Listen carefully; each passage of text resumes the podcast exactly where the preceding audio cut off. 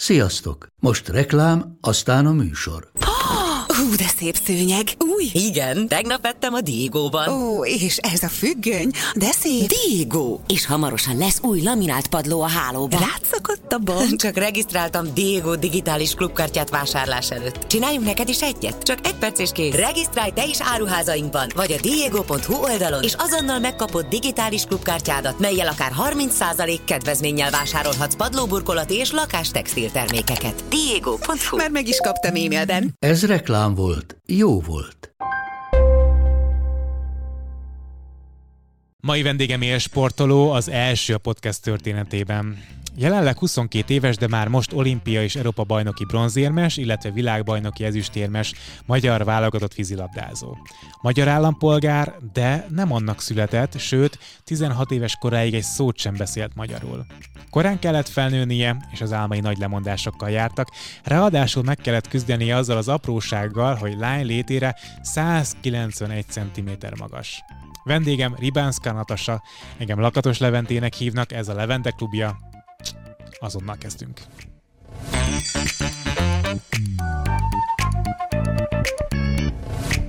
Szia Natasa, vagy Natása? a felvétel előtt poénkodtunk egy kicsit, hogy olyan is kell kimondani a nevedet.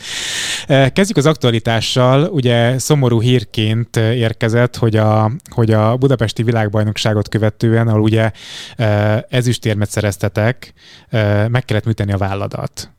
Mi történt pontosan veled a, a vízben, illetve hogyan vagy most?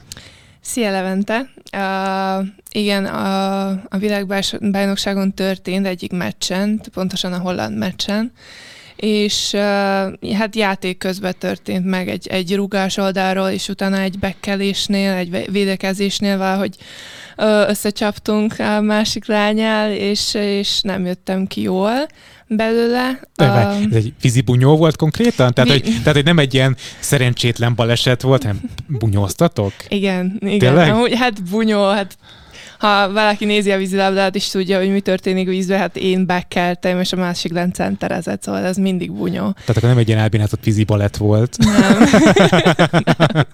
egy jó kis MMA harc a víz alatt. Igen. Uh, és uh, amúgy nem tudom pontosan, hogy mi történt, vagy mi volt a mozdulat. Szerintem az oldalrugás volt, ami, ami miatt uh, megrepedett a csontom és uh, utána igazából még játszottam két meccset, még VB után elkezdtünk a felkészülés az EB-re, és ott is még bírtam öt hétig ezzel edzeni, csak mivel egyre rosszabb lett a helyzet, azért, azért így döntöttünk, hogy akkor nekem nem az EB lesz a nyár végén, hanem egy műtét. Uh-huh. Egyébként a játék közben te érezted, hogy fáj, vagy pedig ilyenkor a adrenalin annyira el, elborítja az agyadat, hogy nem is érzed azt, hogyha fájdalom ér? Um, éreztem, hogy valami történt, mert ki, emlékszem, hogy ki is mentem a vízből, és kértem rá jeget, meg flektort, szokásosan. Uh, tudtam, hogy valami, valami történt vele, csak nem, nem is akartam tudni, hogy, hogy mi pontosan, és hogy mennyire komoly a, a szitu. De utána azért is tudtam játszani még két meccset ezzel, mert ez az adrenalint és a közönség olyan egyszerűen annyira visz minket, hogy, hogy ez, a fájdalmat nem nagyon éreztem utána. Vagy nem akartál a tudomást venni, nem? Igen. Tehát ez is benne lehet, hogy akkor az ember teljesíteni akar, ráadásul az ember készül egy, egy megmérettetésre, nyilván akkor vagy a toppon, amikor éppen játszol, és az nehéz elfogadni, hogy, hogy annak így hirtelen akkor vége szakad, nem? Igen, pontosan. Azért is edzettem vele még utána, mert egyszerűen nem akartam elfogadni, hogy ez valami komolyabb lehet. És nálunk szerintem a sportolóknál ez van a fejünkben, hogy hogy fáj, de, de tényleg fáj. Nagyon sokszor megkérdeztem saját magamat, hogy tényleg fáj annyira, hogy nem tudok ezzel edzeni, vagy, vagy most épp gyenge vagyok azért, mert, mert azt mondom, hogy, hogy fáj. De alapvetően a sportolóknál mennyire jellemző a, a, az állandó fájdalom? Mennyire, mennyire van jelen a fájdalom, mint olyan? Tehát, hogy ezt hozzászoktok egy idő után, vagy, vagy alapvetően a fájdalom az nem annyira akut, mint ahogy mondjuk én gondolom? Szerintem hozzá lehet szokni. Biztosan hozzá vagyunk szokva. Nekem a klub edzőm szokott mondani az, hogy 90%-ban valami bajod van, vagy edzésen, vagy a meccsen, hogy nagyon kevés olyan meccsed lesz, amikor nem lesz bajod, vagy mentálisan, vagy fizikálisan. Egyszerűen vagy, vagy izomláz, vagy valami fáj, vagy, vagy tényleg valami mentális bajod van. Szóval ezen túl kell lépni, és, és szerintem mi nagyon hamar megta- megtanuljuk, hogy hogy kell kezelni a fájdalmat. Megmondom, akkor a fájdalom küszöb is magasabban van, mint egy, mint egy nem ér sportoló átlagembernek, tehát hogy valószínű a, a, a kisebb fájdalmat észre se veszed, csak akkor a nagyobb az, ami, ami belenyilallik. Lehet. Uh-huh. Ez olyan helyzet, mint amikor valaki viagrával hoppon marad, nem? Tehát, hogy elkészültél egy, egy jó kis, jó kis megvéretetésre, aztán tulajdonképpen hoppon, hoppon maradsz. Hogyan lehet ezt feldolgozni mentálisan? Tehát, hogy mihez kezdtél, amikor kiderült, hogy meg kell műteni a, a, a válladat, és nem játszhatsz, nem is edzhetsz, tulajdonképpen hat hónapig, ugye annyi ennek az egésznek a rehabilitációja. Mi játszódott le benned? Uh, nagyon nehéz volt így feldolgozni. Hál' Istennek olyan a barátköröm van, és, a, és vannak olyan szakemberek körülöttem, például a pszichológusom vagy az edzők, akik nagyon sokat segítették, és mivel már eldöntött, vagy eldőlt, hogy, hogy lesz műtétem, volt még egy hónapom, olyan pre-rehab, pre vagy, vagy műtét előtti időszak, pihengetés. igen. Nem, nem is pihengetés, pont ja, az, hogy edzenem kellett. Ja, hogy volt egy ilyen külön edzés, ami a műtét előtti időszakra kellett? Igen, igen Aha. pont az, hogy, hogy építeni kellett még magamat, hogy minél jobb formában legyek műtét előtt, hogy annál könnyebb legyen műtét után vissza. De gondolom nem volt válledzésed. Uh, amúgy ez is benne volt, mert Tényleg? mivel valahogy hozzá voltam szokva, hogy ezzel edzettem már ébe előtt is. Nyilván nem úszni nem nagyon tudtam, mert nekem ez volt a bajom, hogy folyamatosan kiugrott a helyéről, szóval az úszás ez nem nagyon ment, de kondi futás ez, ez, ez ment. Az nagyon nehéz volt így uh, ezzel edzeni, hogy tudom, hogy semminek, igazából semminek nem készülök, egy műtétre készülök, miután úgyis nulláról fogok kezdeni újra. És uh, ja, tehát nagyon bíztam benne, hogy én műtét előtt nem tudtam, hogy milyen műtét lesz, mennyi kihagyás lesz pontosan. Akkor mennyire súlyos, gondolom, az is benne Igen. volt a pakliban, hogy tudsz egyáltalán sportolni ezt követően, nem? Igen. Mi azt beszéltünk az orvosokkal, hogy ki fogják nyitni engem, és megnéznek, hogy mi minden kell csinálni, és mit tehetnek. És uh, igazából, amikor felkeltem, nem tudtam még, hogy, hogy mizu. Tudtam, hogy azt gondolják, hogy akkor súlyosabb lesz, de, de nem tudtam pontosan, hogy mit fognak De akkor úgy, úgy feküdtél be a műtőasztalra, hogy nem is tudtad, hogy itt a sportolói karriered hogyan fog folytatódni? Lehet, hogy itt az egésznek redőny le? Igen. Az kemény. Igen, az, az nagyon félelmetes volt, és uh, emlékszem, hogy áltató előtt még csak azt mondtam az orvosnak, mert amúgy az orvos, aki engem műtött a válogatotton nálunk a csapadorvos, szóval nagyon jó viszonyban vagyunk, és emlékszem, hogy az áltatás alatt még mondtam neki, hogy tök mindegy, hogy mit csináljon, csak lehet, lehessen még vízilabdázni vele. szóval ez volt az utolsó az áltatás előtti mondatom. És ezek után hogyan fogsz bunyózni a vízben? ne haragudj, tehát, hogy ilyen, ilyen tapasztalat után, hogy ennyire, nem tudom, egy, egy pengélen táncolt a karriered, meggondolod, hogy miben mész bele? Milyen balhéba? Nem. Vagy, vagy ott nem is tudsz mérlegelni, hanem hogyha már jön, akkor vissza. No, én amúgy olyan extázisba szoktam kerülni a meccsen, hogy ez, ez biztosan nem lesz a fejembe. Lehet, hogy valami félelem lesz a kezdésekre, de azon már most dolgozok a gyógytornásszal, hogy az ne legyen. És én bízok abba, hogy mivel négy horgonyt kaptam a vállamba, szűkítették a labrumomat, hogy már annyi, annyira stabil lesz, hogy már soha többet nem lesz vele bajom. Acélkar. Acélvál. Egy okay, figyelj, most így, így a bunyónál maradva, ez a kérdés később lett volna, de most akkor felteszem itt. Ugye te 191 cm magas vagy, tehát hogy nálam is magasabb, ami az eléggé ritka a tapasztalatom szerint, én is így néztem fel rá. Milyen, milyen érzéseket keltesz az ellenségbe, ellenség ellenfélben? megijednek tőled, hogy, hogy huha, lehet, hogy, lehet, hogy ő erősebb nálam, vagy, vagy nagyobb darab nálam, vagy, vagy, vagy alapvetően a magasságod a vízilabdánál mennyit számít? Gondolom nem ér le a lábad a medence aljára, meg ilyesmi. Nem. Ezt mindig kérdeznek tőlem, nem, nem ér le a lábam. És ha, ha igen, akkor, akkor se teszem le, mert sokkal lassabb az ember, hogy a vízszintesen el. Függőlegesen. Függőlegesen, igen. Függőlegesen, igen. Vízszintesen hátúszol. igen. uh, és uh, nem tudom, hogy félnek-e tőlem, mert oké, okay, hogy magas vagyok, de ha megnézed a többi uh, csapatot, ott, ott sincsenek kis darabok mondjuk az én posztomon. A centeregesebbek alapból mindig nagyobbak, vagy minél erősebbek, vagy, vagy nagyobbak, annál jobb. Uh, viszont hát nem tudom, ezt tőlük, tőlük kell kérdezni. És uh, a magasságom amúgy szerintem nagyon nagy uh, előny a vízbe, hosszabb a karjaim, szóval jobban tudok blokkolni. Talán azért is vagyok gyors, mert, mert hosszúak a karjaim, és jó a technikám. és,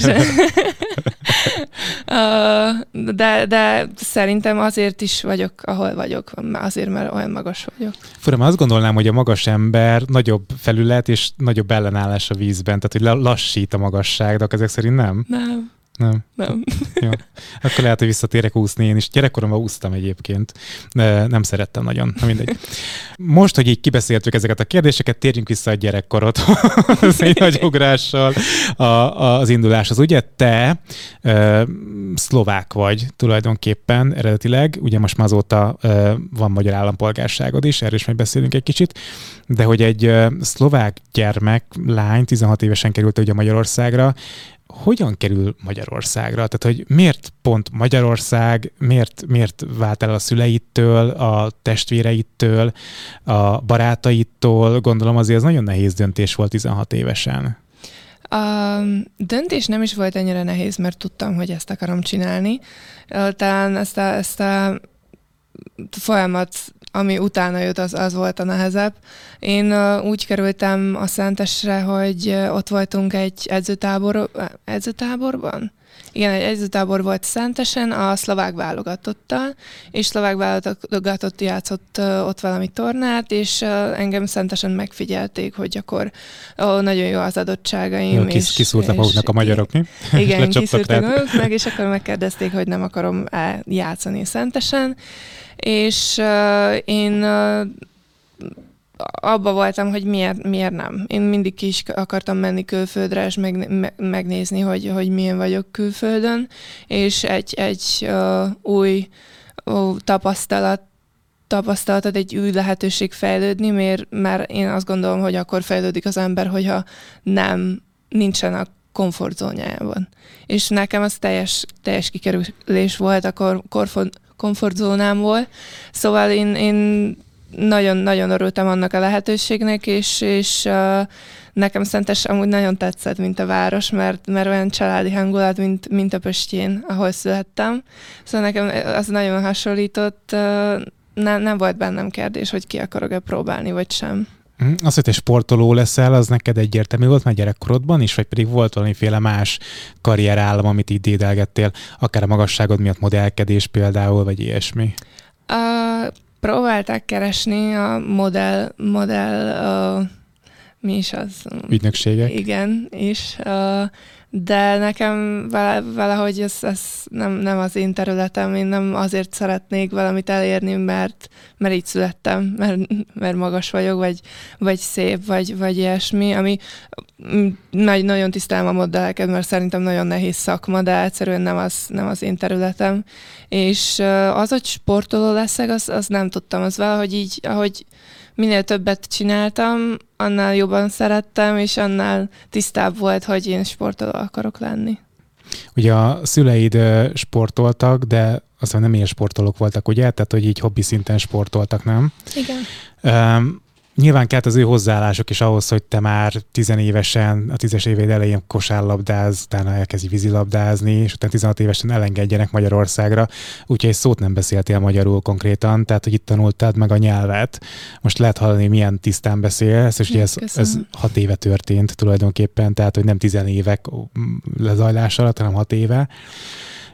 Meg hát engedték azt is, hogy a magyar állampolgárságot felvedd.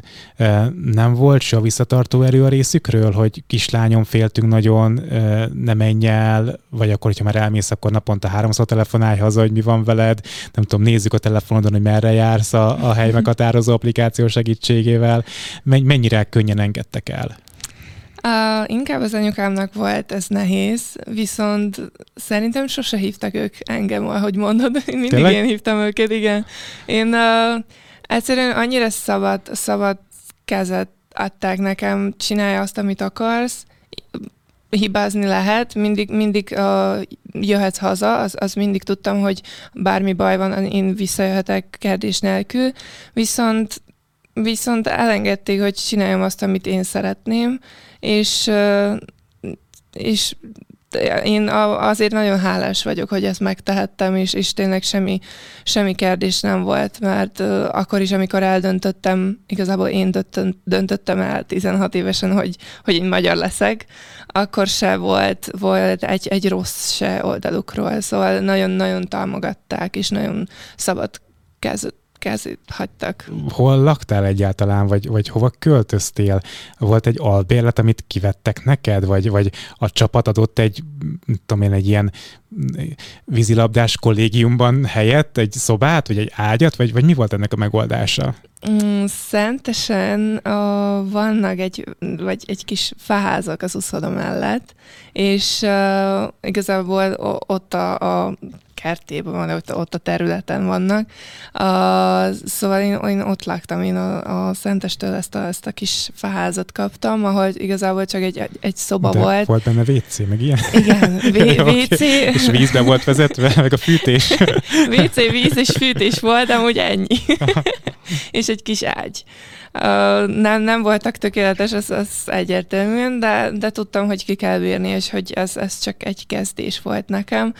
Uh, amire most így visszanézve nagyon büszke vagyok, mert tényleg nulláról kezdtem az egészet, és uh, most azért nagyon boldog vagyok, hogy hova, hova is uh, tudtam menni, vagy elé, mit tudtam elérni. Hát még mi van még előtted, de majd erről is beszélgetünk a, a későbbiekben, de még az érdekel engem, hogy egy 16 éves gyerek, hogyan tud ennyire, ennyire eltökélt lenni.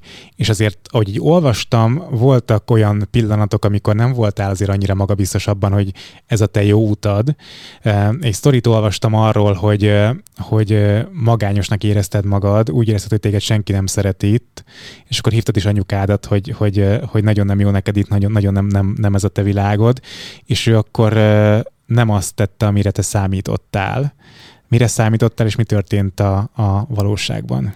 Igen, az uh, szerintem nagyon-nagyon fontos pillanat volt az egész uh, sportkarrieremnek, mert hívtam az anyukámat, hogy már nem szeretnék itt lenni, senki nem szeret, elfáradtam, nem is megy a játék, és én azt vártam tőle, hogy most sajnáltatni fogja, és azt fogja mondani, hogy nem, hogy mindenki szeret, mindenki imád, és nem tette meg. Hanem nem azt, hazudott. Nem, nem, nem hazudott. hanem azt mondta, hogy, hogy jó, akkor, hogyha nem jó neked, akkor gyere haza. És én akkor valahogy ez, ez így teljesen más szempontból látom az egészet, hogy basszus, tényleg senki más nem akar, hogy ott legyek, csak én magam, saját magam miatt csinálom az egészet, és csak azért csinálom, mert szeretem és akarok. És uh, azóta már valahogy így sose panaszkodtam neki senkinek, hogy, hogy nem akarok ott lenni, mert ha nem akarok ott lenni, akkor nem lennék ott. Senki, senki nem tartja ott, és és sokkal másabb az egész, hogyha minden nap így kezd fel, hogy, hogy igen, azért csinálom, mert akarom, és azért, mert, mert, mert szeretem, és nem azért, mert most muszáj menni edzésre, hanem azért, mert akarok edzeni. De tényleg ennyire ellenségesek voltak veled? Tehát, hogy nem fogadtak be a, a magyar kortársaid, vagy a, nem tudom, hogy a suliba egyébként rendes középiskolába jártál, vagy pedig magántanárhoz jártál? Én sulit Szlovákiába végeztem, Uh, így ugye csak uh, vizsgá, vizsgákra jártam, amúgy online sulim Tehát volt. magántanulószerűen? Uh, igen, valami ilyesmi, ami matek nagyon-nagyon érdekes amúgy így magántanulóként.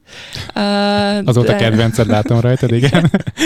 uh, de uh, amúgy a csapattársaim nagyon kedvesek voltak velem.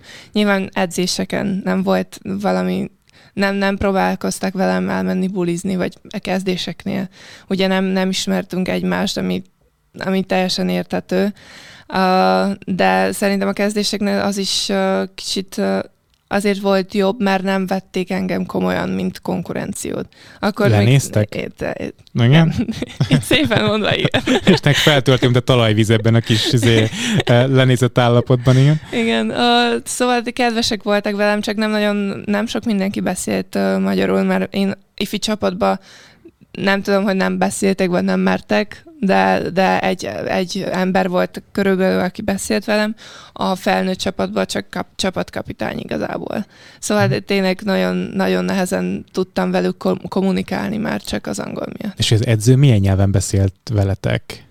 Um, az első éve, évenben sehogy, ez csak Tőle, fordítottak a lányok, azt fordítottak a lányok igazából, és, és rajtam volt, hogy meg kell tanulnom a, az alap, legalább az alap uh, szavakat, hogy értsem, hogy mi is történik. Mi volt az első szó, amit megtanultál, vagy káromkodás? Gondoltam. A bazd meg, fogadjunk, igen. Nem mondom el, hogy micsoda, de amúgy nyilván az első a szia, meg sziasztok volt, de, de igen. Azt utána, a kurva utána... anyád, igen. Nem akartam kimondani, de igen. Tényleg? Ennyi mondták neked, ne arra úgy, hogy így meg, megegyezted? Persze.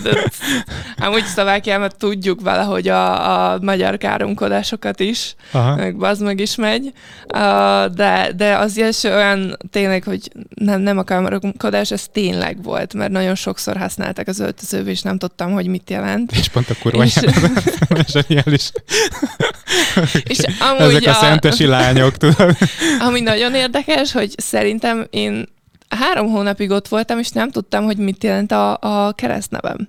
Tényleg? Mert ugye a Riban, Ribanszka nagyon, ja, nagyon ja, ezzel is szórakoztak, a Igen, ezzel szórakoztak, én nem tudtam, hogy miről beszélnek, mert, mert az még sose hallottam ezt a, ezt a, a káromkodást, és tényleg három, három vagy négy hónap után kiderült, hogy, hogy amúgy miért is röhögnek De úgy csúfolodnak rajta, de kedvesek. ja, mondom, kösz. Neked a barátkozás az könnyen ment, vagy pedig, vagy pedig ez is azért akadályokból ütközött itt a, a magyar honban? Mm, szerintem könnyen ment. Én, én nagyon nyitott embernek gondolom magam, és uh, magamat, és szerintem az, az könnyen ment uh, akkor is, hogyha például a legjobb barátnőm a Szentesen az Lekrinszki Gina volt, és ő egy szó se tudott angolul igazából, de, de nagyon jót buliztuk együtt. hát buliban mindig mindegy, de igazából akkor, mindegy, hogy Akkor mindenki ért mindenkit, igen, igen hogy be, hogyha ott a jó, jó, jó hangulat van. Mennyire voltak veled ellenségesek a tekintetben, hogy te szlovák származásúként a magyar válogatott közelébe kerültél, és tulajdonképpen lehet, hogy egy magyar lány elől veszed el a, a helyet. Vagy inkább benned okozott ez kétségeket? Igen, volt bennem egy, egy kis megfelelési kényszer, hát nem, nem kis, hanem uh, szerintem még olimpia után is azt éreztem, hogy, hogy nem, nem igazságos az, hogy én vagyok ott, mert nem mutatok semmi extrát, vagy, vagy nem vagyok jobb a többieknél, a magyar lányoknál, és szerintem pont azért is mindig akartam ezt a az extrát mutatni, és ezt a több munkát is voltam, vagy szívesen megtettem, mert tudtam, hogy azért sokkal jobb kell lennem a magyar lányoknál, már csak azért is, mert, mert az, az, az állampolgár, állampolgár, állampor... állampolgárság, igen. Kell, kellett felvennem, igen. Uh, szóval, szóval igen, ez a, ez a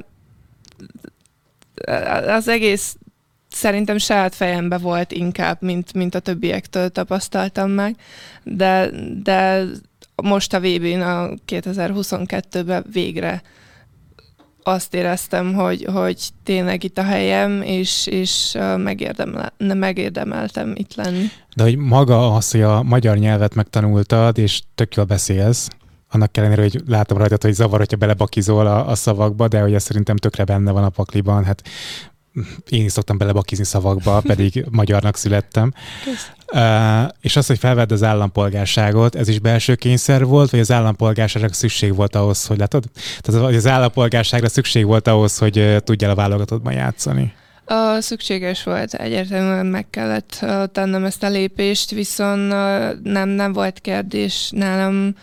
Uh, nagyon nagyon örültem, amikor ezt a, ezt a lehetőség uh, uh, megjelent, és uh, mondjuk, hogyha lenne is lehetőségem most visszavenni a szlovák állampolgársomat, akkor nem, nem tennék. Ez most nem kettős állampolgárság? Nem, nem. Nekem Tényleg? le kellett mondanom a szlovákról ahhoz, hogy, hogy lehessek magyar, mert ez volt a szabály. Viszont vissza lehet szereznem a szlovák állampolgársomat. Nagyon könnyen, mivel ott születtem, és ott, ott az egész és családom. És az ottani média mit szólt ehhez, hogy te, te a magyar válogatottért letetted a szlovák állampolgárságot? Mert én nem, nem vagyok ebben tapasztalt, nem nagyon tapasztaltam ezt a fajta ö, ellenségeskedést, de azért hallom, hogy például a, a szlovákiai magyarok is küzdenek azzal az ellentéttel, ami a szlovákok és a magyarok között fennáll. Nem kaptál ezért a fejedre ö, ütéseket a médiától? Um, Nálunk amúgy a vízilabda nem nagy sportág, szóval nagyon kevesen ismernek a vízilabdát, nagyon kevesen ismertek engem.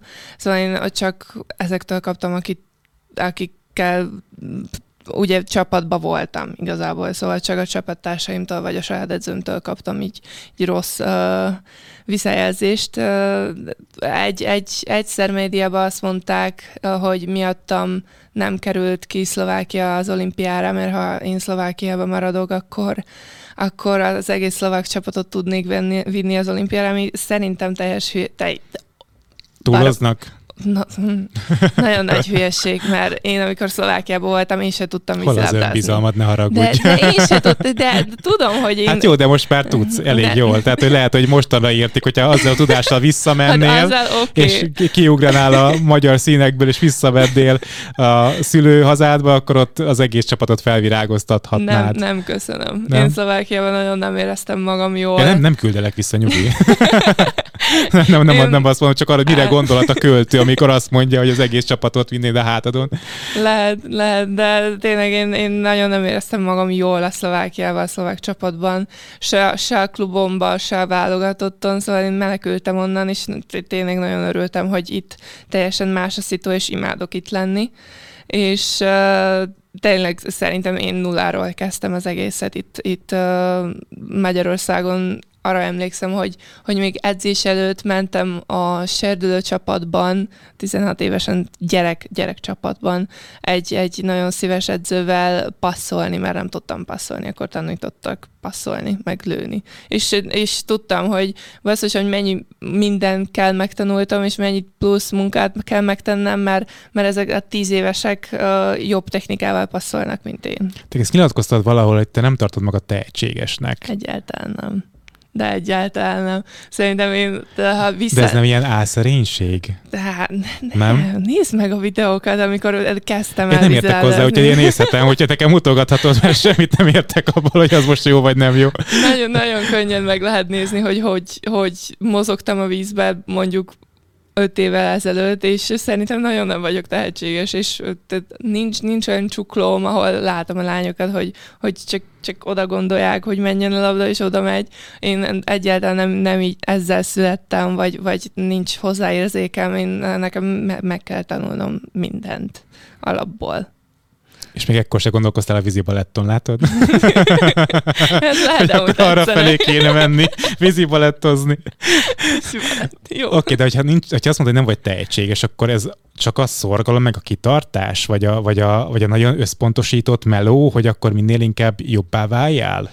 Igen, Szerintem egyáltalán ez a munka, és az, hogy munka, nem hogy munkamániás, hanem, hanem mániás. Annyira imádom az egészet, és annyira szeretem, hogy, hogy tényleg a, a szabadidőmét is rászállok, és szerintem ez nagyon fontos volt, hogy reálisan látom, mennyi mindent kell uh, megtennem ahhoz, hogy mondjuk én 2016-ba kerültem a Magyarországra, 17-ben volt reális, hogy, hogy magyar legyek, és 20-20-ba volt már az olimpia, ami nekem nagy cél volt. És látom, hogy három év, jó, négy, négy lett igazából, azért mert eltolták az olimpiát, de három év alatt annyi sok minden kell megtennem, hogy, hogy egyszerűen minden, minden ból le kellett mondanom, és nagyon szívesen megtettem, mert, mert valamiért nagyon bíztam benne, hogy, hogy lehetek valaki, vagy valami, a, ha, ha eleg, ele, eleget akarok, vagy eleget megteszem.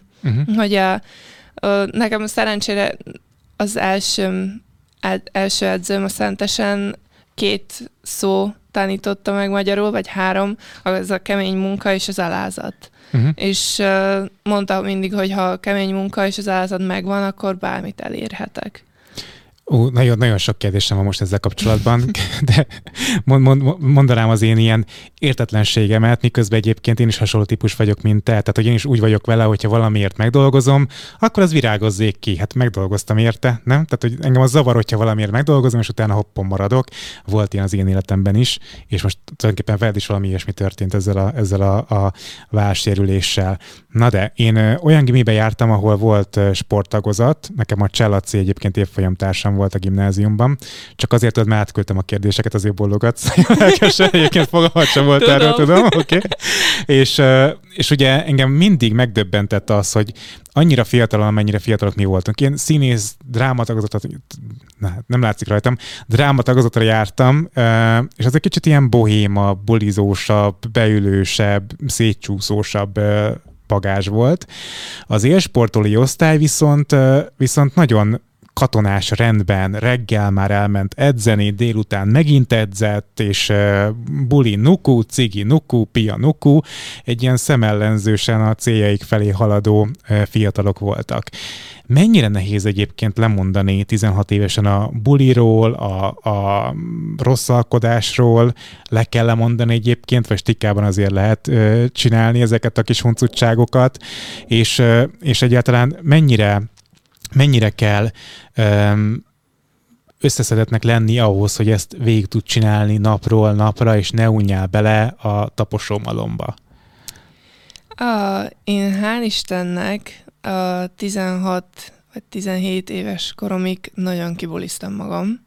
Szóval én amikor Szlovákiában még edzettem, nekem három edzésem volt hetente, és uh, hétvégén mindig buliztam. És Akkor kitomboltad magad. Igen, igen, én azt érzem, hogy uh, annak köszönhetően tudtam annyira belecsapni a munkába, mert ha kérdezték tőlem egyszer, hogy, hogy hol lennék, hogyha már serdülő korom óta itt lennék Magyarországon, és tudnék többet fejlődni, lehet, hogy én nem bírnám ki mert egyszerűen én is azt látom, hogy mennyire tudatosak már a fiatalok nálunk, és én tudom, hogy olyan nem, nem voltam, egyszerűen ki kellett próbálnom sok minden ahhoz, hogy tudjam, hogy mit is akarok. És uh, a, a, a, annak is köszönhető, hogy három tesóm van, kettő, egy, egy bátyám és egy nővérem, nővérem öt éve idősebb nálam, és vele jártam bulizni, szóval tényleg kibuliztam magam, amennyire csak lehetett. Na jó, akkor volt felügyelet, vigyáztak rá, tehát hogy nem tudtál teljesen elszabadulni. Mint hát, a vadmustang, igen, a, a, hát, nagy, nagyon jó kapcsolatban vagyunk. ja, hát akkor hallgatott mélyen a, a szituációkról, értem. Oké, okay. szerinted egyébként a kitartás, mint olyan, az fejleszthető valamilyen módszerrel? Ez a mentális kitartás, inkább arra gondolok, mert a fizikális, az ember azért így, így tolja, tolja, tolja, már tudja, hogy mennyi van még hátra, akkor még összeszedi az erejét, összeszorítja a fogait, de hogy a mentális kitartás az, hogy tényleg ezt, a, ezt a, az ismétlődést, taposómalmot, hogy egyáltalán lássa annak, annak milyen eredménye lesz, mikor lesz eredménye, lesz eredménye, hogy ezt a, ezt a, a, a kétséget így mondjuk kizárd magadból. Biztos, mert szerintem nekem is, én is azért ebbe is sokat fejlődtem. Biztos uh, fejleszthető, mint szerintem az összes... Uh-huh. Összes skill. Igen, összes skill lehet fejleszteni, szerintem. Ugye a, az edző egy, egyik első szava, amit megtanított, az alázat volt. Egy edzőnek vissza lehet szólni? Nem. Nem? Nagyon nem. Nagyon nem szabad. Viszont... De akkor se, hogyha neked van igazad? Az igazságérzeted mindig azt mondja, az hogy neked edzőnek van. van az igaza. Ja. Bármi történik, mindig az edző, az igaz, mindig az edzőnek. De uh, nem, hi, nem hiába mondott nekem az alázatot az edzőm, mert látta bennem, hogy azért voltak hiányosságaim. Uh, nem biztos, hogy, hogy nem volt az alázatom, viszont nagyon mást mutattam ki. Én nekem nagyon sokat kellett a, dolgoznom azon, hogy tényleg legyek alázatos, és alázatosan dolgoz, go, dolgozzak. De, de tudom is, hogy azért is lett a sportpszichológusom például, mert mert... Feldolgozz az edző keménységét, értem. uh, igen, nem, nem, nem volt könnyű velem dolgozni, mondjuk így. ja, hogy ő puhított meg valójában? Um, hát amúgy én, meg az edzők. uh, nekem a klubedzőm, vagy igen, nekem a klubedzőm azt mondta, hogy velem néha keményebb, mint a fiúkkal szokott lenni. Szóval én valahogy szerencsés vagy, de én nagyon sok olyan edzőt tapasztaltam, akik tényleg kemények voltak, és, és tényleg csúnyán tudtak nekem szólni. Aha. Uh, viszont szerintem ez, ez engem mindig is motivált, szóval ez engem valahogy nem, nem zavart, elég kemény vagyok, ez, és, és tudom, hogy azért néha megérdemlem. Vagy most már azért nem, de, de mondom a kezdéseknél tényleg olyan arcokat tudtam vágni, hogy, hogy én is adnám egy pofont saját magamnak. Jó, de egy edző egyébként szerinted működhet keménység nélkül? Tehát, hogyha te egyszer edző lennél, akkor te is egy ilyen kemény edzőként állnál oda, nem? Tehát, hogy nem lehet ezt puhán csinálni. Ezért, azért is kérdezem ezt, mert ugye mostanában egyre többször merültek föl olyan vádak, főleg úszóedzőkkel kapcsolatban, hogy verbálisan bántalmazta a, az úszóját, akár fizikálisan bántalmazta az úszóját. Mennyi, mennyi fér szerinted bele a, a, a keménységbe egy edző esetébe? A, amúgy így a csapatsportágoknál szerintem nagyon nehéz eltalálni, hogy kinek mit működik, de szerintem egy jó edzőnek ismernie kell a játékosokat, és uh, például vannak olyan csapattársaim, akik, akikhez egyszerűen meccsen belül nem, nem lehet így csúnyán szólni, vagy nem lehet kiabálni velük, mert elsírják magukat, vagy, vagy nem, fognak, nem fognak már ennyire jól teljesíteni. Összetöri őket, ha? Igen, mint például, amikor egy, egyszerűen csak, csak szépen szól neki, hogy ezt ne csinálj, csinálj így, vagy, vagy nem szól egyáltalán hozzájuk. Velem lehet kiabálni. Nekem, én, egyszerűen néha kell is velem És kiabálni lehet, ahhoz, lehet hogy észrevegyem. Lehet használni a magyar káromkodás tudásodat. Amúgy lehet, hogy van. Egyszerűen azért, mert nem az anyanyelvem, az valahogy nem, nem veszem komolyan ezt a magyar ja. káromkodást. Aha. Viszont volt szlovák edzőm is, szentesen amúgy szlovák edzőm volt, vagy, vagy szlovák, félig szlovák, félig magyar, szóval szlovákul beszélt velem, és nagyon élvezte, hogy senki nem érti, csak én. akkor, akkor ment a káromkodás. Oké, okay. de hogyha még az edző a csapat szerint igazságtalanul szól egy másik, vagy az egyik, egyik versenyzőhöz, akkor se álltok ki egy másért? Tehát nem mondjátok azt, hogy ez durva volt edzőbe? Nem. Nem, tényleg az edzőnek nem. Hál' Istennek nem volt olyan edzőm, akinek vissza, kéne, vissza kellett volna szólni. Szóval én nagyon szerencsésnek tartom magam, hogy, hogy tényleg olyan profi edzőim vannak, hogy, hogy mondjuk, hogy keményen szóltak, de sose volt határon túl és uh, viszont a lányok max azt mondjuk egymás másnak, hogy, hogy nyugi jó lesz, vagy, vagy biztatjuk egymást, de, de visszaedzőnek sose szoktunk szó, visszaszólni. De hogyha mondjuk te úgy érzed, hogy az edző túlhúzta a húrt, akkor te tudsz valakihez fordulni, és szólni, hogy, hogy szerinted igazságtalanságért, szerinted túl durva szavak értek? Um, nem tapasztaltam még olyat, de ha lenne olyan, akkor biztos a csapatkapitányhoz fordulnék. Igen. Vagy mindig nekem tényleg szerencsésnek gondolom magam, mert a csapaton belül van néhány nagyon-nagyon jó, szoros barátságom, szóval van, van hova fordulni. Egy másik téma, ami, amit sajnos érintenünk kell, mert ha kihagyjuk, akkor az álságos lenne. Az úszósportban elég gyakori ö, jelenség állítólag a szexuális visszaélés. Akár, akár, ö, akár egy masszőr által például. Te tapasztaltál ilyet, vagy hallottál ilyet a, a, a vízipólós körből? Nem. Egyáltalán soha nem, hál' Istennek, soha nem tapasztaltam olyat, és uh, így uh, vízilabdában nem is, nem is hallottam róla. Hál' Istennek. Hál' Istennek. Hál' Istennek. A balesettel kapcsolatban azt nyilatkoztat, hogy majd a javulás után újult erővel fogsz visszatérni, és nagyon reméled, hogy az egyik távozó csapattárs után, Kesztei Nagy Rita után te lehetsz majd, aki vezéré lép elő a, a csapatban ez ilyen nekem túlságosan önbizalomteli kijelentés, de aztán lehet, hogy ez, ez, ez real, ez a, ez a kijelentés. Egy csapatsportban honnan kezdődik az önzőzés, mint olyan szerinted?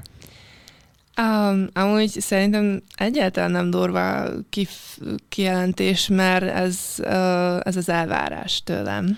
Ezt várják, Most, hogy... Uh, igen, mert én vagyok a le- legtapasztaltabb igazából a, a, ebbe a csapatban, ahogy ja, a, a rangidős? A, a tessék? A rangidős? Igen. Nagyon fiatal a csapatunk. Tényleg?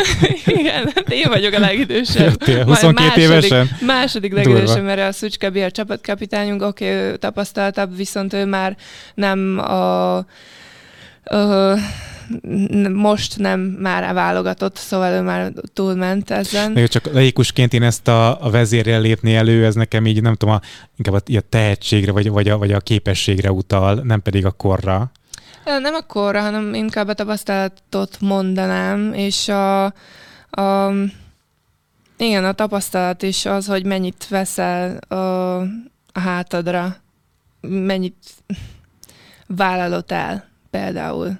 És uh, én nekem már ré, régóta ez volt a tervem, hogy akkor minél uh, többet játszok, annál, annál jobb legyen a, vagy annál nagyobb teher tudjak vinni, és uh, szerintem most tényleg ez, a, ez az idő megjött, hogy, hogy nekem kell megoldanom, már nem lesz ott a kesztérita, hanem uh, elő kell lépni nekem.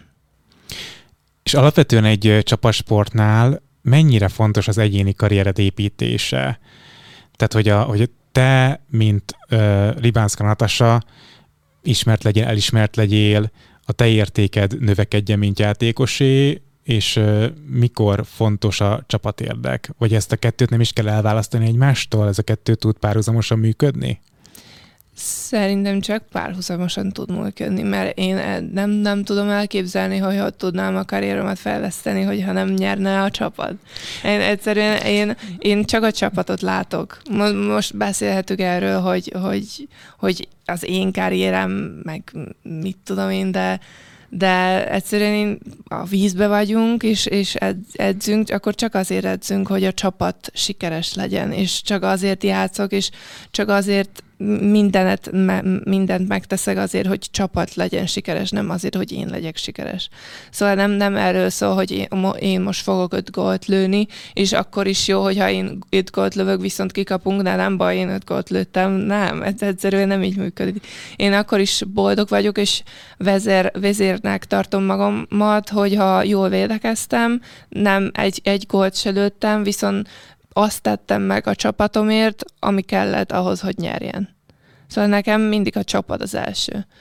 Vezért nem erre gondoltam, hogy én csak, csak én leszek most, hanem inkább az, hogy, hogy akkor a felelősséget vállalom, és és azt fogom megtenni, ami, ami kell ahhoz, hogy nyerjen a csapat. De ez nem a, a csapatkapitány feladata? Hát van csapatkapitány, és van, van vezér a vízben, ami lehet, hogy ugyanaz Aha. az ember, és lehet, hogy amúgy a vezér, vezér nem csak egy van. A legjobb csapatokban mindig van egy, kettő, három, aki min, mindig valaki más jön elől, viszont nekem szerintem még nem sikerült annyira uh, előlépni, mint, mint amennyire szerettem volna. Azért, azért volt is ezt a uh, kijelentés, hogy én most szeretnék vezér lenni, nem azt jelenti, hogy, hogy senki más nem lehet, vagy senki más nem lesz. Uh-huh. Jó, értem. Oké. Okay. Figyelj, van egy nagyon fontos kérdésem. Majd ezt később teszem fel. uh, mert a spirito lesz. Uh, Fia, milyen egy felkészülés egyébként egy, egy női vízilabda csapatnál, amikor össze vagytok zárva, rengetegen csajok, hogyan tudjátok elviselni egymást, el tudjátok-e viselni egymást, vagy pedig ott megy a, a rivalizálás, hajtépés, vagy országos barátnők vagytok valójában? A hajtépésnek nem volt. nem, amúgy... De azért egy jó kis bunyó, az befigyelt, igen. Szerintem amúgy rivalizálás van, de csak olyan szinten, hogy motiválunk egymást, és például én ság magamtól tudom, hogy motivál, hogyha látom, hogy valaki valamit jobb csinál. Engem ez irritál, azért, azért is edzéseken nagyon utálnak azért, de Ne mindig versenyzek. senki. Mi, mindig versenyzek. Akkor is, ha úszunk, akkor mindig tudom, hogy, hogy jobban, jobban akarok úszni, mint a mellettem lévő, ha jobban, jobban akarok lőni, jobban akarok passzolni, ha húzunk a köttelel, akkor nekem kell elő lenni, szóval én nagyon, ez a versenyszellem nagyon bennem van, és szerintem ezen a szinten a riv- rivalizálás az, az nagyon egészséges, és nagyon jól tesz nekünk. Uh, viszont mind a két csapatban, a klubban is, a válogatotton is szerintem nagyon jó barátok is vagyunk, és nagyon jó csap- a csapatszellem, ami nem tudom, hogy sikerült, szerintem nagyon, nagyon nehéz így összetartani a csapatot, akkor is, hogyha mondjuk ó, 17 emberes a keret, és tudjuk, hogy szőkíteni fog, fog az egész. De, de szerint vala- valahogy nagyon jól megoldjuk, és tudjuk, hogy nem csak én tudom, hogy csak saját magamtól függ, hogy benne leszek a csapatba, vagy nem. Nem attól függ, hogy ő hogy fog játszani, hanem hogy, hogy én teljesítek.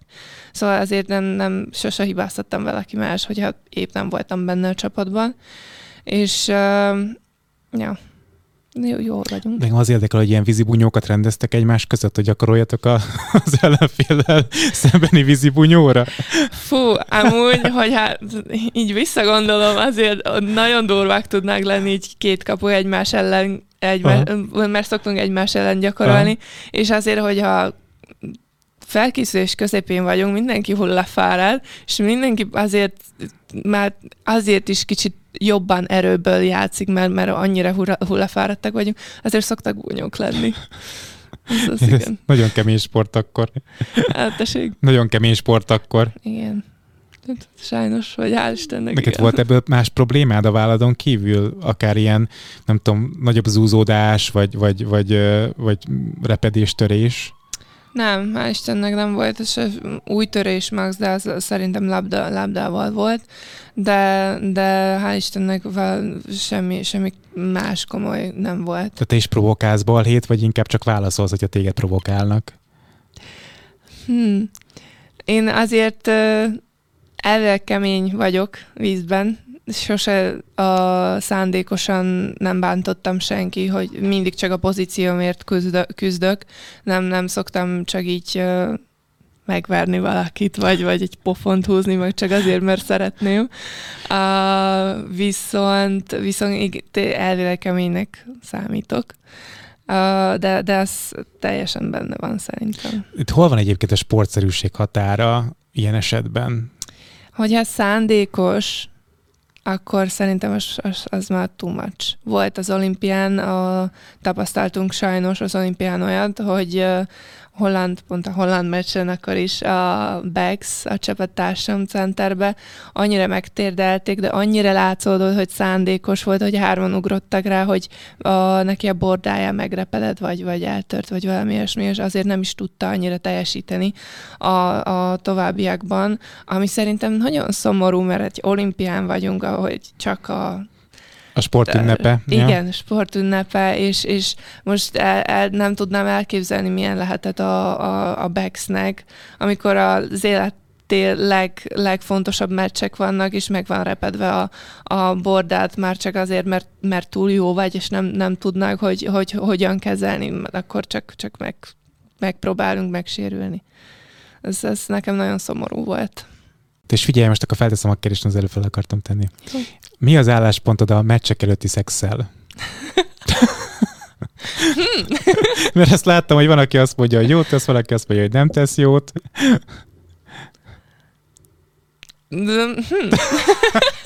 Hogyha nem akarsz, akkor ne válaszolj rá. Nem, nem tudom, mi a kérdés, hogy most jól teszel, vagy, vagy jól nem tesz tesz vagy, jól? vagy kimerít, és akkor le, le, lemeríti az akkumulátorokat, vagy esetleg pont feltölti az akkumulátorokat. Amúgy szerintem A- inkább az, olimpi- azt hiszem, hogy az olimpiai teszem. faluban szembe is volt tiltva, vagy, vagy valami Le- ilyesmi? Igen, le is volt. Mert amúgy az olimpián mindig ez volt a, a szokás, hogy adnak is az offszerek a kis Igen, olimpiai és karikákkal. Igen, és most nem is kaptunk. Tényleg? Semmi nem volt. Tehát nem, elvileg nem találkozhattunk senki Jó, hát a. Covid volt, és nem szabad egymásra érintkezni. Igen, szóval ott mindenki nagyon óvatos volt. Na, de jót tesz, vagy nem tesz jót? Nem tudom. Nem próbáltam még. Semmit nem próbáltam Én inkább még. azt mondom, hogy a meccs utáni levezet. Az az igazi. Oké, és oké. Figyelj, a magasságodról még beszélgessünk egy kicsit. Jó. Most, hogy Izóval beosztalak. Látszik? Oké, ugye 191 cm magas vagy, ez egy pontos szám, nyilván mértek, mérnek folyamatosan. Mm, Mennyire nehezíti meg a, a, a nem tudom, van-e párod, vagy nincs, a párkapcsolati kérdéskört a, a magasság. Tehát, hogy neked például fontos, hogy a, hogy a párod milyen magas? Um, nehéz, mert persze, hogy van, van amit preferálok, van, tehát ez nem, amúgy nem, nem a magasság lenne a fontos nekem, hanem hát ne legyen már nekem nagyobb a hátam. de, de amúgy ö, az, az mondom, de igazából mindig is a belső érdekel, és ha, ha valaki nagyon tetszik nekem, bels, valakinek a belső oldalja nagyon tetszik, és nagyon tetszik, hogy milyen, akkor te, teljesen mindegy, hogy hogy néz ki, hogy alacsonyabb el vagy, vagy nem. És egyszerűen vala, valamilyen szintén a, az is tetszik, ha valaki alacsonyabb, de annyira magabiztos, és annyira, annyira férfias, és annyira a, olyan kisugárzása van, hogy, hogy neki is mindegy, hogy, hogy magasabb vagyok, akkor, akkor nekem is mindegy. Hát mondjuk, hogyha nem lenne mindegy, akkor csak kosarasokkal ismerkedhetnél. Igen. Igen. Nehéz lenne, de igen, amúgy a vízilabdázók magasak, meg a sportolók, meg most, mostanában azért amikor még Szlovákiában éltem, és, és jobban civil, civil emberekkel találkoztam, akkor az jobban zavart is a magasságom, de mostanában csak a sportolókkal találkozom, és teljesen normálisnak érzem magam. Mert mindenki magas. Hát igen, Tényleg? igen. Az jó. És és nem is zavar, hogy az emberek mit gondolnak, hogyha mondjuk a palid alacsonyabb nálad? Nem. Tehát ezt elengedted. Az elengedtem, hál' Istennek, mert azért uh, nagyon sokat kell azon dolgoznom, a maga önbizalom, ezeket a kérdések, hogy, hogy érdekel el, mit gondolnak a többiek, vagy, vagy, vagy sem, és valahogy ezen túl sikerült lépnem, és mert egyáltalán nem tud érdekelni, hogy mit gondolnak a többiek. Hm. De ez hogyan sikerült a, a pszichológussal? Sikerült ezeken túl lépned, vagy, vagy ez egy saját felismerés volt, hogy el kell engedni a, a szomszédasszonynak a véleményét? Amúgy szerintem az önbizalom kérdése azt is, hogy, hogy érdekel, hogy mit do- gondolnak a többiek, és uh, én amúgy az önbizalmat úgy látom, hogy én mint, mint egy rendes kapcsolatot. Ugye a barátomat uh, nem, nem azért szeretsz, mert szép kék a szeme, hanem azért, mert, mert valami, valami uh, tulajdonsága van, ami, ami tisztelsz. És Te a szép kék szem is lett ilyen tulajdonság, amiben beleszeretsz, jó, de nem, nem azért fogsz elbarátkozni, meg beszélgetni minden napot. Hát azért fontos a külső, nem mondjuk, hogy nem fontos a külső, azért az egy fontos izé, hozzáadott erő, elé, erény. Lehet. De én inkább arra, arra gondoltam, hogy ö, tanuljak meg ö, így viselkedni, hogy, hogy te, tetszen saját magamnak a, a viselkedésem, meg, meg csináljam azt, amit mondtam, hogy csinálni fogom, ami megígértem, az, az, az megteszem, és, és kedves legyek saját magammal. És ha, ha egyszerűen, ha tisztelni fogok saját magamat, akkor... amivel legyél kedves saját magadhoz. Hát, Például el, elviszem saját magamat kávézni, vagy, nem, vagy ha hibázok például a vízbe, ha már, ha már erről van szó, akkor, akkor ne, ne kerüljek be olyan rossz spirá- spirálba, hogy, hogy most, mert szoktam, hogy most tényleg nem, nem vagyok jó játékos, és az- azt se tudom megtenni, meg azt se tudom, hanem legyek egy, egy jó barát saját magamnak, és, és Nem lehet mindig ismerjem, toppon lenni. igen, nem, nem lehet mindig, lehet hibázni, emberek vagyunk, és ha valami jót csinálok, akkor meg próbáljon meg ezt is felismerni, hogy basszus, ez, ez tényleg jó volt. Sőt, én például úgy működök, hogy engem a kudarc élmények löknek előre. És olvastam tőled is valami hasonló nyilatkozatot, hogy a pofonok visznek előre, hogy ö, szerintem a kudarcok azok kellenek pontosan azért, hogy felhúz rajta magad, és felszív rajta magad, és ö, be tud magadnak bizonyítani, hogy de igenis, én ezt meg tudom csinálni, én abban jó vagyok, arra alkalmas vagyok, képes vagyok. Igen, az mindig is, ez volt nekem igazából sajnos a legnagyobb motiváció mindig, amikor valami nem sikerült, vagy valami kudarc, vagy valami rossz tapasztalat, akkor valahogy mindig az sokkal nagyobb löketet tudott adni. Igen, csak sokan meg tudod, ilyenkor feladják. Tehát az első kudarc élmény után elkeserednek, és azt mondják, hogy ez nekem nem működik, és hagyom az egészet a francba. De az, hogyha, hogyha az ember a kudarcot nem eltántorításként kezeli, hanem valamiféle kihívásként, akkor ez szerintem hasznos és építő tud lenni. Biztos. Mert, mert már csak azért, mert mondtad, mondtad hogy fel akarják adni. Én, én csak akkor is hogyan látom magamon, hogy valami nem sikerült, és, és már csak azért megcsinálom újra, meg újra, meg újra, mert nem szabad feladnom. Mert sos, sose adjuk fel. Figyelj, most ugye hat hónap kényszerpihenő, még a továbbiakban, ebből eltelt azt hiszem, hogy egy hónapod, ugye? Tehát még öt. Mi, mihez kezdesz öt hónap alatt, ne haragudj? Um, Főleg ilyen felhúzott állapotban tudod a viagrás poénom, tudod.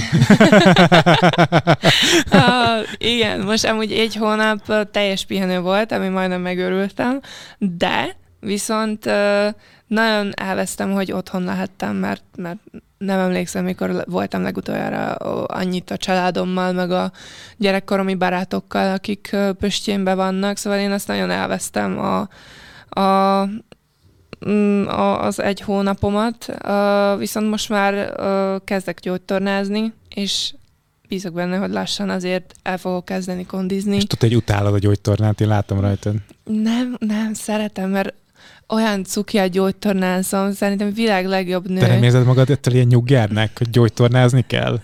Nagyon. Na hát ezt mondom, látsz, látom rajtad, hogy szerintem megőrülsz a gyógytornától. Múltkor bementem a kondiba, és szégyeltem magam, mert, mert úgy volt, hogy végre mehetek a kondiba, és akkor örültem, hogy végre mehetek a kondiba. Viszont a gyógytornászom azt mondta, hogy bemehetek a kondiba, de csak sétálni.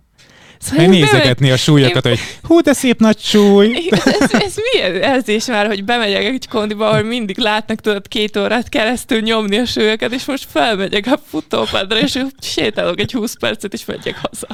Szóval, Esetleg még lépcsőszedsz, tudod? Igen, igen, igen. emelkedő sétál. Csodálatos. Még lábra edzetsz, nem? Nem. Lábra sem? Lábra sem, még. Nem tudom miért neked ez, de, de én hallom azt, amit mondják az orvosok, meg a meg a gyógytornászom tényleg. Rájuk nem... hallgass, ne rám semmiképpen. Lehet, hogy rosszul járnál. Oké, okay, tehát nem. most van a... Van a ny- tényleg nem, nem szabad használnom a, a karomat. Most már azért lassan kezdhetek, de most négy, négy hétig tényleg a séta se lehetett. Ez, ez teljes pihenő kellett, hogy összenőjön pontosan a, úgy, ahogy, ahogy kellett összenőnie az Sz- egész. Szóval most van a nyanyatréning, mm, ja. és akkor ezen kívül mi, mivel telik egy napot, mit csinálsz? Uh, amúgy most uh, van egy kis projektunk uh, erről a sérülésemről, meg a, az én történetemről for, forgatni fogunk, forgatunk, vagy ezzel foglalkozunk egy, egy dokumentumfilmet, uh-huh. vagy egy dokumentumvideót, szóval ezzel is foglalkozom magamat. De műtét az nincsen benne, nyugtass meg. Uh, műtét, azt, pont a műtét nem. Azt, azt nem kell végignézni, hogy szétnyitják a válladat. Az is, nem is Te megnézni, én tudom, de látom, nem? Azt hittem, hogy megnézed a saját valladat belülről, tudod? Nem. Fú, nem. uh, amúgy ezt múlt héten mondták, hogy amúgy lehet, hogy fel fogsz kelni. Mondom, nem, nem szeretnék. De jó. Oh, tehát kábultan. De jó. nem, de nagyon nem. Uh, viszont a félépülés lesz benne. Én meg... már tartottam a saját fogamat a kezemben, amit utána visszaraktak a számba. Jó. Majd egyszer elmesélem. Jó. szóval akkor a felépülésre fogsz koncentrálni? Igen, a felépülésre fogok koncentrálni, és a pszichológusommal dolgozom, mert most szerintem egy kiváló lehetőség arra a, ezzel foglalkozni, hogy épp ki is vagyok, ha nem vagyok sportoló. Mert én most nem, nem érzem magam sportolóként, mert ugye olyan, én mindig abba bíztam, hogy... Nem vagy rendesen bekötve szerintem, ez de, a probléma. De figyelj, olyan játékos vagy, ahogy éppen játszol. Ez, ez megvan adva, azt mindig nekünk is szokták mondani, vagy nekem is, hogy, hogy olyan játékos vagy, ahogy éppen játszol. Viszont én, amilyen játékos voltam, ez már múlt, az, amilyen játékos leszek, az még nagyon messze van. Hát jó, de most, hogyha ilyen nagykeleti bölcsként hozzá kell szólnom ez a, ez a, a témához, akkor ez egy olyan kudarc, amitől aztán ki fogsz virágozni. Ez Tehát, hogy igaz, úgy de fogsz az- visszarobbanni a vízipóló életébe, hogy az egész medence így feltocson, aztán visszaesik, tudod? Jó, remélem, hogy ez is ez a terv igazából, mert tényleg motivált vagyok, mint az állat. De ilyenkor És- van diéta? Tehát ilyenkor tartod a diétát, meg így, meg így figyelsz erre? Fú, nagyon, mert mivel egy hónapig nem tudtam mozogni, azért nagyon figyelznem kellett, hogy nem ne jöjjek vissza plusz 10 kilóval, és ez, ez, meg is fogadtam magamban, hogy nem, nem fogok gurulni vissza mert- Pestre. mert- Mert, mert, mert, mert a magasság nem hátráltat a vízben, de a plusz kilók azok lenyomnak. Amúgy nem tudom, amúgy lehet, hogy nem. Pont, hogy, hogy Figyelj, lehet, lehet, hogy még inkább félnének tőled, nem? Hát az hogyha biztos. 191 Én is centivel kicsit teltebben odaállsz, és, és meglátják, hogy ezzel kell versenyezni, Jézusom, ezzel ellenfelem. Egy jó, de hogy úsznék. Nem, tényleg elfogadtam saját magamba, hogy nem fogok gurulni vissza a Pestre, hanem, hanem sétálok. Hízékony vagy? Te, Hízékony vagy? Ha? És egyből az arcomon látszik. Egyből. Mindig olyan kis, kis nagy pofám van. De meg szerencse, hogy a, a karodból élsz, amit eltörtél. És semmi gond. Natasha, nagyon szépen köszönöm, hogy itt voltál. Én is köszönöm. Szurkolok, hogy ez az öt hónap ez zöggenőmentesen teljen el, és utána tényleg bele tudja robbanni a medencébe, és, és mindenkit uh, továbbra is lenyűgöz majd a, a sport teljesítményeddel. Örülök, hogy vagy nekünk, és nagyon sok uh, uh, érmet kívánok, és egy olimpiai aranyérmet is kívánok az Nagyon elkövetkezendő sportolói karrieredbe. Köszönöm szépen a meghívást Olyan, is. most teljesen meghatottál, nem viccek. Köszönöm, szia! Köszönöm, szia!